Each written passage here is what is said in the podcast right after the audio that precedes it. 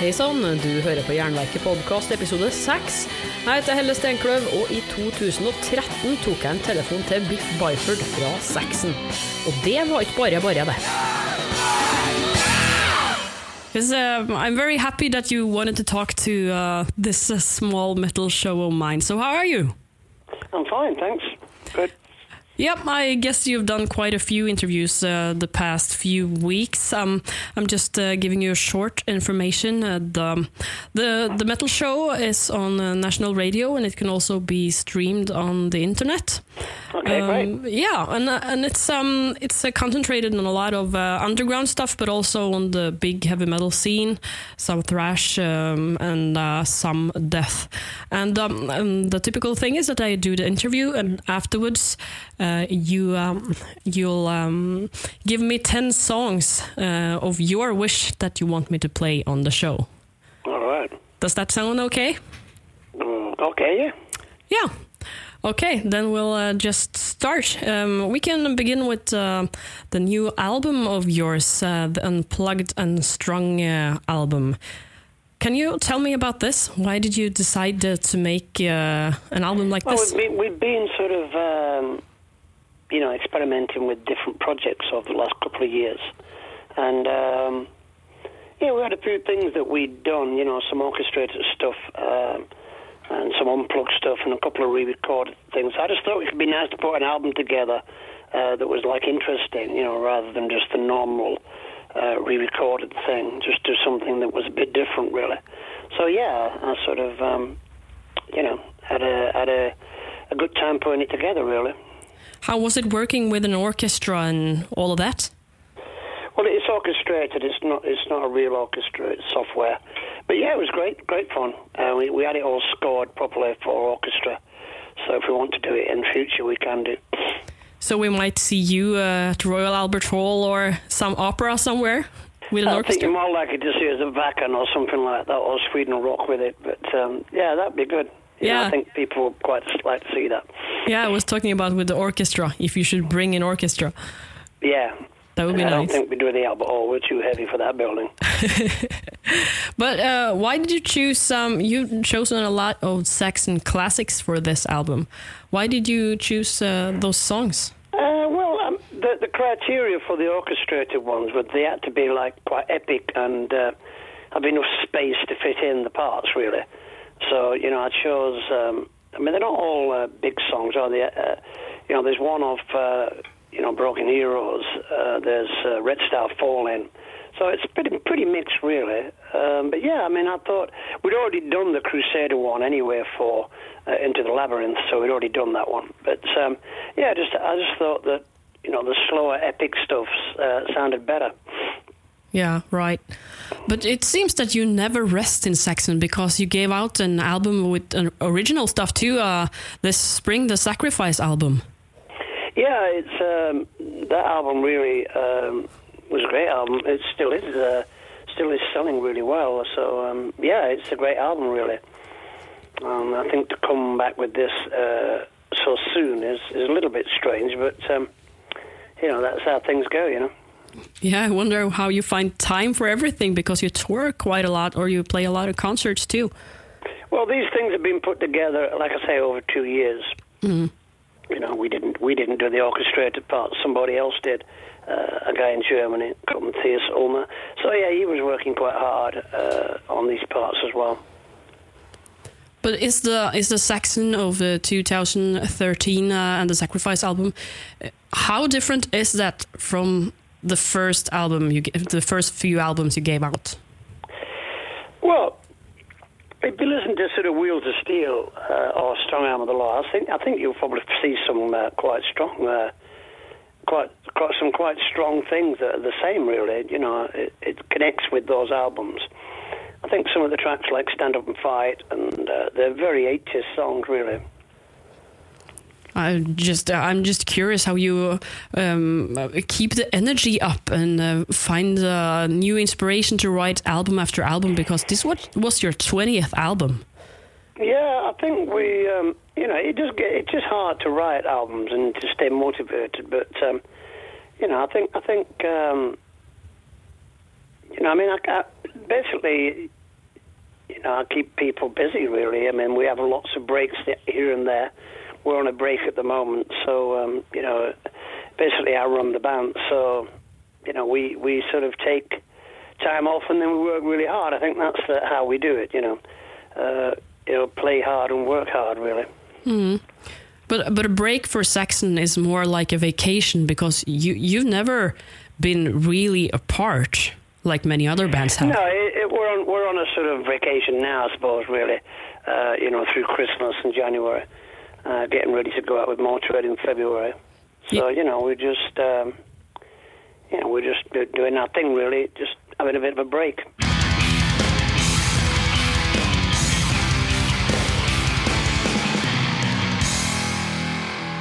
But uh, anyway, a, lo- a, lot of journalists they always ask, "What's uh, your best album?" Uh, but I want to ask you, um, what is uh, what do you feel is the the worst or the least good album Saxon has made? Uh, probably, probably Destiny. I would think. Why? Um, because the producer was uh, an asshole, and um, he put a lot of keyboards on after we finished it, and I wasn't very happy with the album. So I just I don't think that the best song on it is "Ride Like the Wind." Mm-hmm. But uh, Saxon is considered, excuse me, considered one of the uh, the big and the first acts win the new wave of a British heavy metal scene. But um, I wonder, do you remember the first time you heard the term new wave of British heavy metal? Who defined yeah, you? I think it was a magazine. I think it was the Sounds magazine. It was a guy called Geoff Barton that, that used it. It wasn't before we, uh, I think it was like 80, 1980. So, so he was uh, one of those who defined that Saxon was new wave or British well, metal. It wasn't just us; they, Maiden as well. Um, you know, there's lots of bands around then that were all in that group. But uh, how did you uh, you yourself uh, define Saxon at that time? You'd gone on for a while, even I if you define. I didn't define it.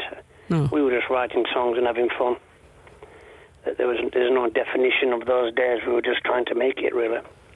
But still, the definitions they they cling on to you because people will.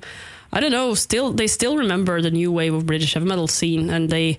Uh, yeah, think... they do, and, and we do too. But what I'm saying is, you know, as young lads uh, getting a recording contract and writing an album that sold a million copies, uh, you know, I can't, I can't really, can't define why that happened, and we just had a great time, really.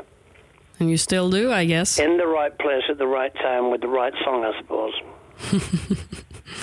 yeah, uh, and uh, about songs, I was uh, thinking about. Um, um, I think now it fits really good in because uh, now it's um, been 50 years since the assassination of John F. Kennedy, and mm -hmm. you wrote a song called "Dallas 1 P.M." about this assassination. That's right. Yeah. And I wonder why, because first you're British, and the sec second the song is from 1980, so it's been a few years after the assassination and the writing of it. Yeah, I think um, I think it still resonates, though. I think uh, you know they've just had. I don't know about where where you're from, but here they've had a huge, um, you know, huge uh, things on Kennedy the last uh, three or four weeks, mm. all running up to the to the day, uh, you know, the anniversary. But uh, yeah, I think I think you know you remember things from when you're uh, from when you're young. They stick in your head, and that's one of the one of the most um, you know uh, memorable things that happened in, in, in the '60s. I think.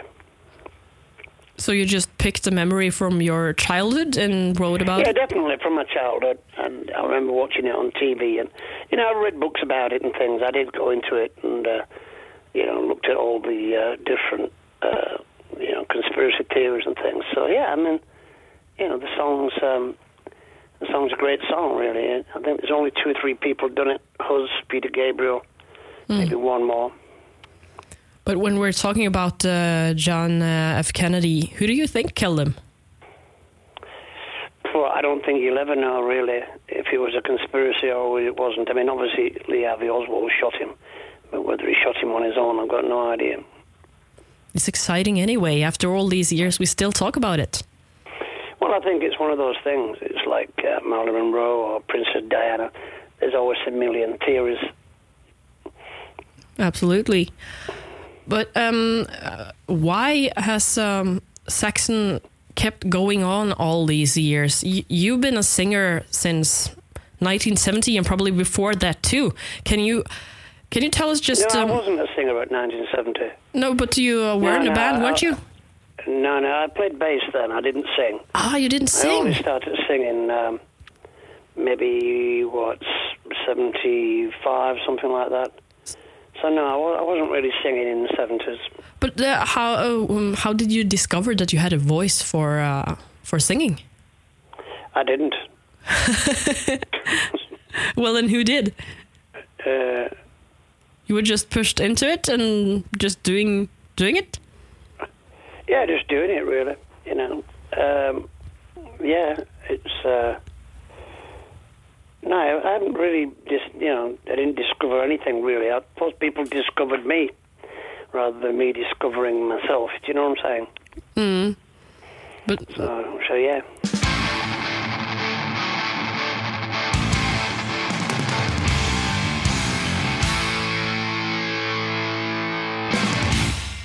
I was talking about uh, why Saxon never has taken a break because many of the other um, big uh, metal bands um, that were large in the 80s and then started to lose terrain, if you can say that, uh, in the 90s, they, they took breaks and some of them Mm, never I came back. they took that much of a break. I mean, Metallica didn't really take a break. I mean, I suppose. I mean, Maiden didn't take a break either, did they? They just got another singer. That's not the same as a break. So I, th- I think I, I don't think everybody took a break. No, I think you probably. I mean, I think bands like, um, you know, some of the '80s bands like Twisted Sister, people like that took a huge break, and um, you know, came back. uh, Yeah, that's what I mean. Old, old songs now and again, you know. But um, that's not what we're really into. We're, we're really into songwriting. So for us, just lounging about, doing nothing, and just playing the odd show, is really not, not, not what we want to do. I see. And you also um, you wrote a book that um, really fits. Uh, it fit, it fits in with this. That never never giving up, never surrendering. You're always going somewhere. Can you uh, can you tell me about the, this Never Surrender book of yours? Uh, there's nothing to tell, really. I mean, I can't really describe a book, can I? I mean, people have to buy it if they want to read it. I mean, it's just a biography. I mean, it's a biography about me, really. It's not really about the band. I mean, obviously the band's a big part of it, but it's a biography, really, about about me. And um, that's it, really. You know. But why did you? But why did you decide to write a biography? Uh, I was asked to write a book, uh, so I did. You know, it's like I've been asked to do a solo album. I might do one, I might not do one. I don't know. But if you were to make a solo album, how would it how would it be? Uh, do you I have have any? no idea. How would I tell? I can't tell how it would be. I mean, you have to do these things and then see what happens. I mean, I don't know. Depends. Uh, uh, depends on lots of things, really. But yeah, it'd be good, good fun to do it. Yeah, I'd like to do it. But do you think you could uh, write something else, something completely different from metal, like some jazz or pop music? I don't know if I'd want to do that.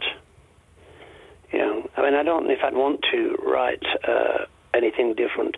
I mean, I suppose it could be more bluesy. I suppose that that might be a a way of going going to to something. Do you know what I mean? Mm, absolutely. When you have a favorite genre, it's that what you're true to. Yeah, I mean, yeah, it. It would no point doing something like Saxon, is there? I may as well do a Saxon album. But yeah, it'd be good. I might go a bit heavier as well. I don't know really. I, I no idea how I'd go.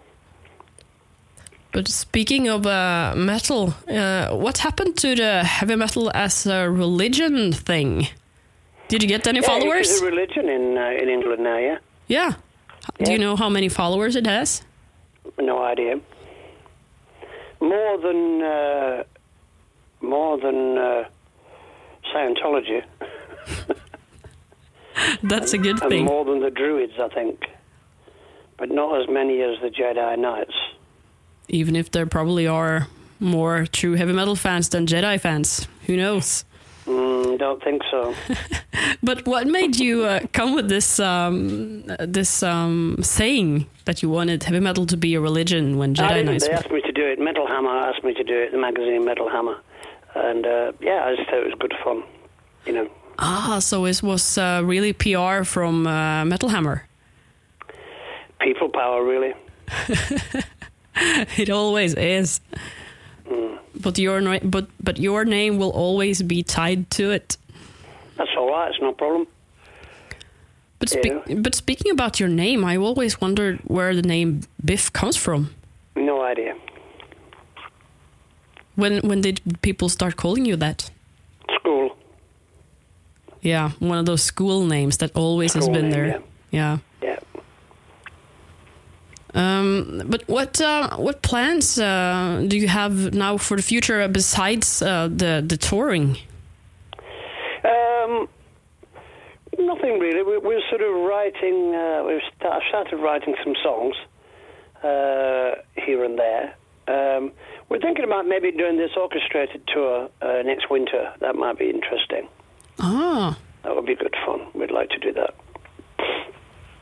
so maybe we should uh, get you uh, a place in the opera here in uh, Oslo, Norway, and uh, get the orchestra to play for you. Yeah, get get us a place there in the in the you know in the opera house. We'll blow it to pieces.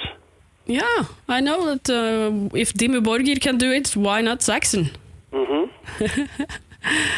But um, what uh, what do you do when you want to relax? You, you say you are on a kind of vacation now, but uh, still you have to talk with a with a press since you have a new album out and all. Oh well, yeah. It's just you know just relaxing really. It's not really hard work talking to the press. It's just sometimes you know um, time consuming. It's not hard work, is it? Really? No, just sitting around talking. I don't know. It's probably harder for me to find all the questions for a person that Oh, has yeah, done a lot have of interviews. I mean, you, know, you just ask the questions. You don't have to have too many questions. You just ask some nice questions. I mean, you know, people. You do an interview for five minutes. You do an interview for an hour. I mean, sometimes people can get more out of you in five minutes than other people can get you in an hour. So that's just how it is. Yeah, but what do you uh, prefer from uh, personal interviews or uh, phone interviews? Uh, I prefer per- person interviews probably. Yeah, Obviously, you know, you, you can't fly around the world doing person interviews all the time. But uh, yeah, I don't mind doing phone interviews. No, I, I hoped uh, to meet you here and now in December when you were supposed to play with Motorhead, but uh, it didn't work out since the the concert was cancelled. Postponed. Hmm, yeah, yeah, postponed. Do you know when you're coming, by the way? In March, I think, Swindon. Yeah, sounds nice. Yeah, it should be good. But you never consider considered leaving Motorhead. You uh, wanted to do this double tour. Um, well, it's a good package, and people have bought tickets to see Saxon as well. So I think it's it's fair that we should do it again after it was t- changed. So yeah, I mean it's a good good good show for the for the fans. It's a good package there. It's uh, you know uh, both we play together not very often, you know, every ten years or so. So yeah, it's good. Yeah, so you've been on tour with the Motorhead before. Uh, we've only done one. We've only done two tours before. We've done a few odd shows here and there. Our first tour in 1980 was with Motorhead, and I think we did it in 2006 or 2004, something like that. So we don't do it a lot, just now and again. Oh wow, 1980. Do, do you remember something specific specific from uh, that tour? You were kind of fresh then, so you. Yeah, I've been through all that. Let's, let's just leave that. When I go back to the 80s with Motorhead, yeah, it was a different Motorhead, wasn't it? It wasn't this Motorhead. It was Lemmy and Philthy and Animal. But yeah, it's good. It's good. It's a good tour. We enjoyed it. Yeah. No, I was more thinking about specific tour stories because uh, one of the uh, things I uh, think is funny to hear about is all the the funny stories or the problems that can come up on a tour. Um, I know that there there are probably a lot of stories on the internet already about Saxon, but is there um, a certain situation that you'll always remember and you think back to when, um, say, if you're on tour and everything is really shit, you can always think back to that day, and that was even worse. No, no, there's no days like that. What about good days? Better days than all?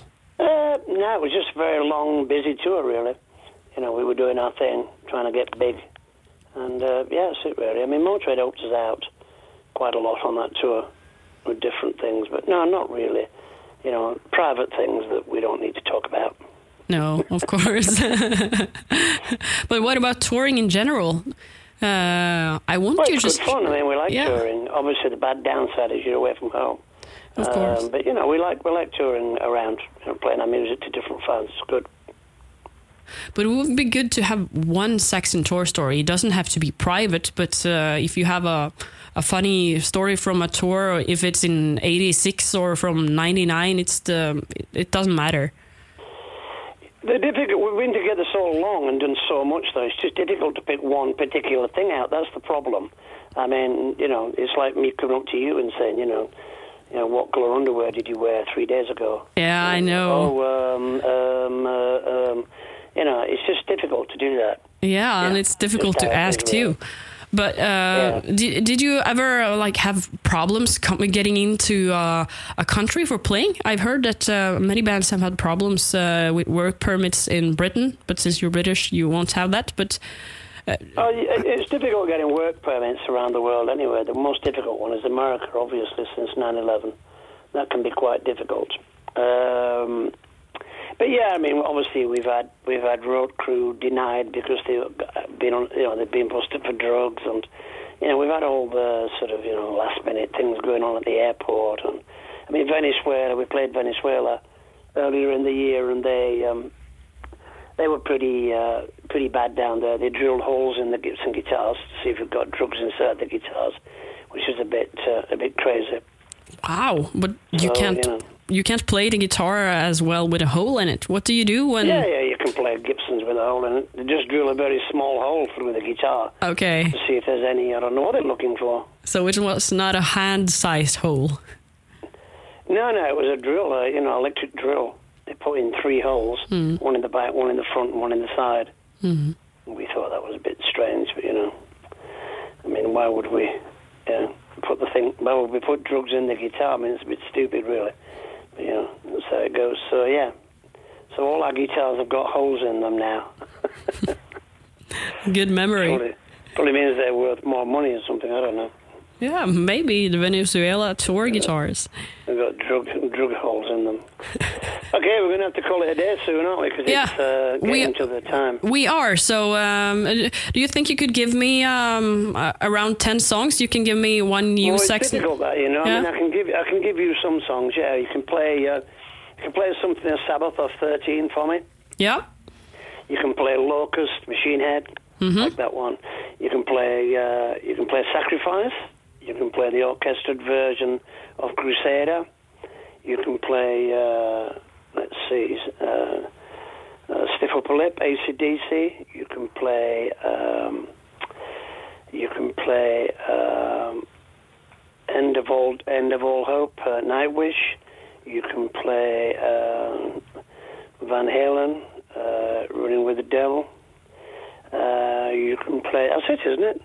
Yeah, I, I think I think you have the seven or eight now. Okay, you can play Roundabout by Yes, and you can play Seek and Destroy by Metallica. There you go. Nice. Could you just, uh, for a last uh, thing, uh, give me a jingle? Uh, like, uh, hello, this is uh, Biff from Saxon. You're listening to Jernverket. Jan Recker. Yeah. Okay, yeah. Hmm? Yeah. Uh, this is Biff from Saxon. You listen to Jan Recker. Come on, rock and roll. Thanks a lot. It was really nice talking to you. No problem. Have a nice day. Okay, you too. Bye. Bye. Du har hørt et eh, intervju med Biff Byford fra Saxon gjort for Jernverket høsten 2013.